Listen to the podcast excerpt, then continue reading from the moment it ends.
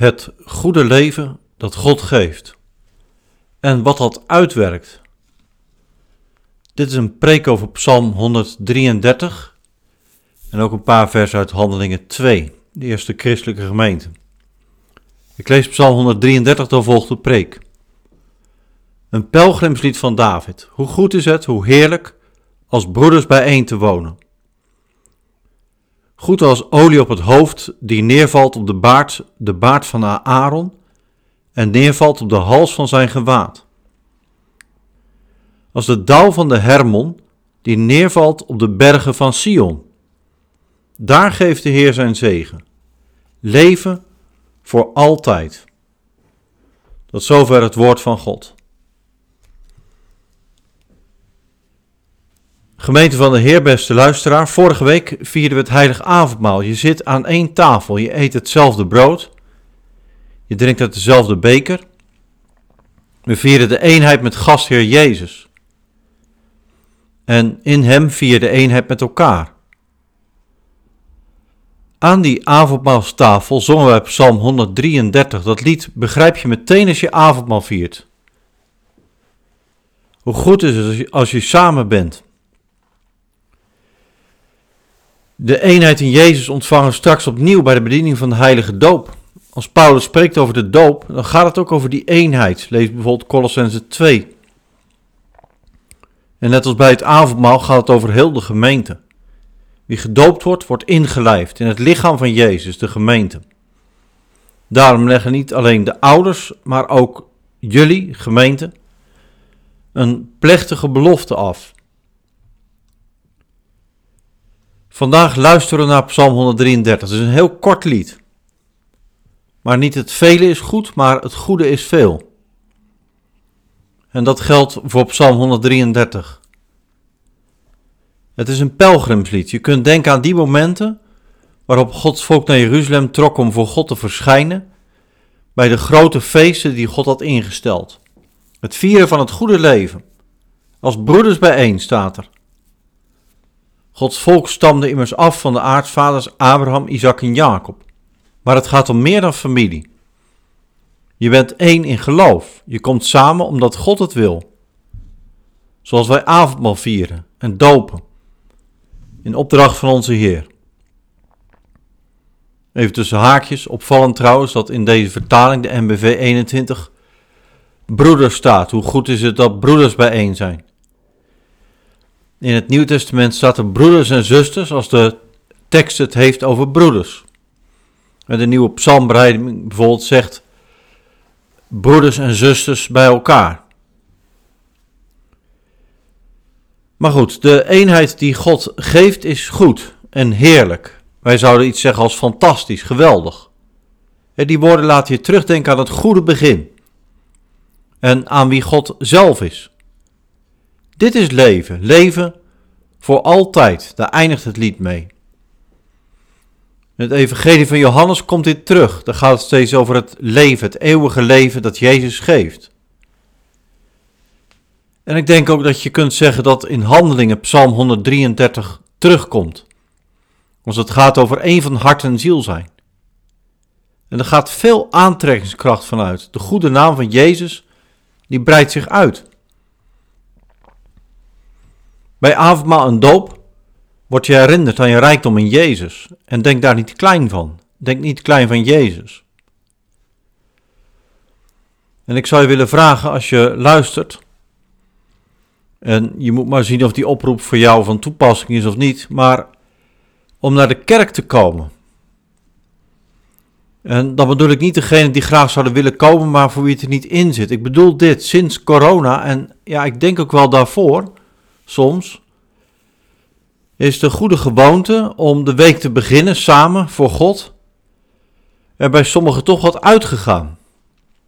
Maar dat samenkomen en Gods genade ontvangen en elkaar in Gods licht zien, dat is wel belangrijk. Want als gemeente vier je en beleef je de eenheid met de Heer op een bijzondere manier. En dat is echt hard nodig om er zo naar te kijken, zoals Psalm 133 dat doet. Daar heb je het samenkomen voor nodig. Kom naar de kerk. Ja, misschien moet je echt weer even een drempel over. En daar hoort misschien ook een vraag bij van is er iets nodig dat je, is er iets wat je daarvoor nodig hebt en wat kunnen anderen daarin voor je betekenen? Ik hoorde van de week van een collega die bij de viering van het avondmaal opmerkte dat zowat alle leden van voor de coronatijd weer in de kerk zaten. Wat mooi. Laat het bij ons een volgende keer ook zo zijn, gemeente. De week starten onder Gods zegen. Als kinderen van één Vader, God. Ik denk dat Psalm 133 je ogen opent voor wat God geeft, gegeven heeft. Iets waar jij en ik zomaar aan voorbij kunnen kijken. Ik moest aan dit lied denken toen we deze week in onze gemeente een bijeenkomst hadden, een seniorenochtend. Kom in heet die ochtend. Dat is een maandelijkse bijeenkomst in onze gemeente. En we waren daar om met elkaar te spreken over een jaarthema dat we hebben. Dat gaat over eenheid en diversiteit. Ter voorbereiding op een ouderendienst van volgende week zondag. En in dat gesprek kwam veel op tafel over het leven met de Heer, over het kerkelijke leven, blijdschap, verdriet, bezorgdheid, verlangen, bemoediging. Volgende week gaat het erover. Maar waar het me nu om gaat is dit. Aan het einde van die bijeenkomst vroeg iemand, die de seniorenochtend wel eens bezoekt, die vroeg het woord. Ze zei, ik ben een buitenstaander. En ik wil opmerken hoe bijzonder dit gesprek is, hoe jullie dat doen. Ze zei dat ze er helemaal warm van werd. Ik vond dat mooi om te horen. Zij wijst het aan. En volgens mij wijst ze aan wat Psalm 133 zegt. Je benoemt het goede dat je met elkaar hebt, het samen zijn. En wat fijn dat een ander je daarop attendeert. Kijk om je heen, zie wat God je geeft, daar ligt je geluk. Psalm 133 heeft meer in petto. Er gaat aantrekkingskracht uit van dit lied. De eenheid wordt vergeleken met olie van hoge priester Aaron. Je moet je voorstellen als die olie over hem heen kwam en over zijn eh, baard ging, over zijn kleren, dan ruik je die olie overal waar hij komt. En die eenheid die wordt hoger aangeslagen dan de belangrijke dauw water is natuurlijk essentieel in het Midden-Oosten. Van de hoogste bergtop, de Hermon. Wat hier staat van, ja, wij hebben de Sion. En oké, die Hermon is veel hoger, maar de Sion is belangrijker. dat klinkt zoiets als van, nou ja, in Limburg hebben ze heuvels, in Frankrijk hebben ze de Alpe d'Huez, maar wij hebben hier uh, de Papendrechtse brug. Uh, voor de Papendrechtses de Dordtse brug. er staat zoiets als van, uh, Sion, dat is the place to be. dat is het belangrijkste. Als je wil weten waarom dat zo is, zie Psalm 2. Daar woont God, daar daalt zijn zegen neer. En zo zegt het Nieuwe Testament dat God zegenrijk is en werkt en leeft door ieder die in Jezus gelooft.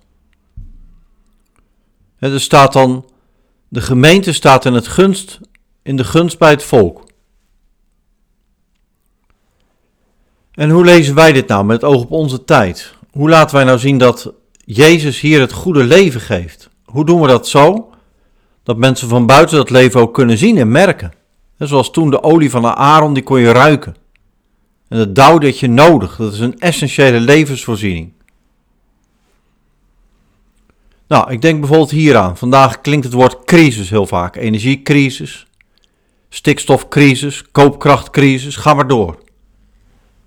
Helaas, we kennen die woorden maar al te goed. En nou, wat is jouw je roeping? Nou, volgens mij gelooft een christen, de crisis is voorbij. Want op Golgotha heeft Jezus alle ellende gedragen. Pasen is een nieuw begin. Pasen is, vergelijken met Psalm 133, de dauw die een nieuwe dag van eeuwig leven aankondigt. En zo wordt de doop ook bediend in de naam van Jezus. En wat is het dan om christen te zijn? Hoe kun je dan laten merken wat het leven van Jezus is? Ik was van de week bij een congres over armoede en armoedebestrijding.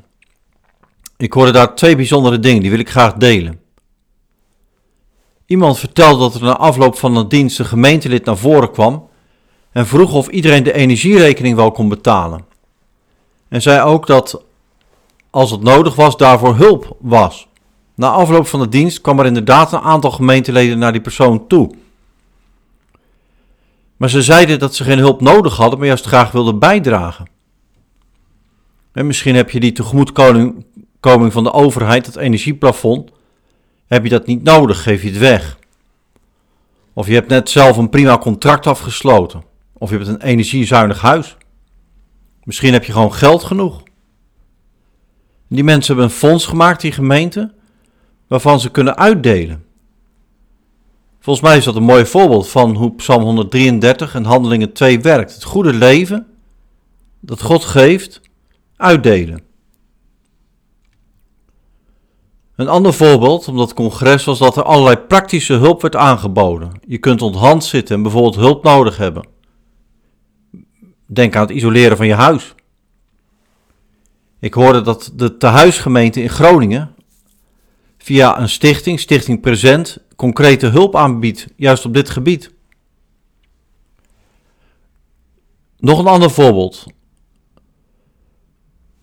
Iemand vertelde, wij schakelen, uh, wij vragen een tandarts in de gemeente, die gemeentelid is, om eens in zoveel tijd pro deo, dus voor niks, diensten ter beschikking te stellen.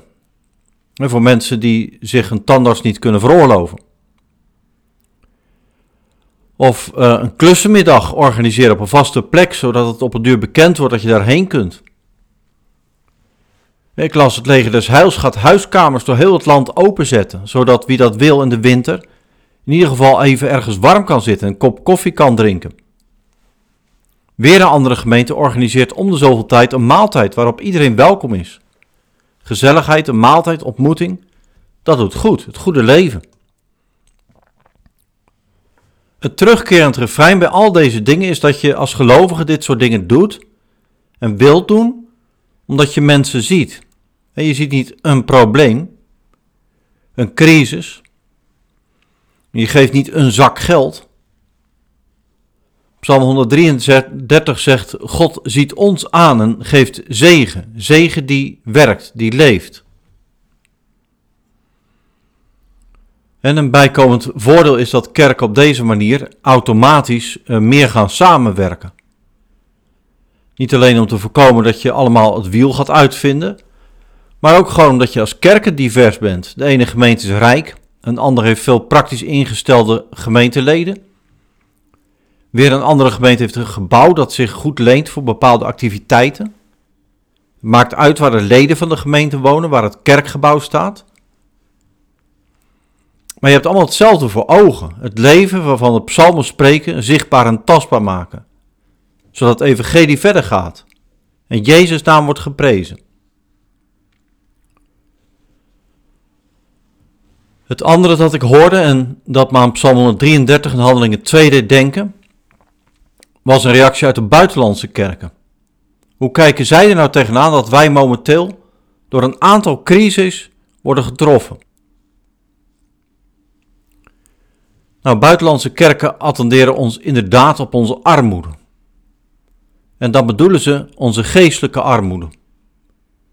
Beseffen wij wel de rijkdom van ons geloof, de vrijheid van het geloof? Waarom daalt het aantal gelovigen in ons land? Waarom komen relatief weinig mensen naar de kerk?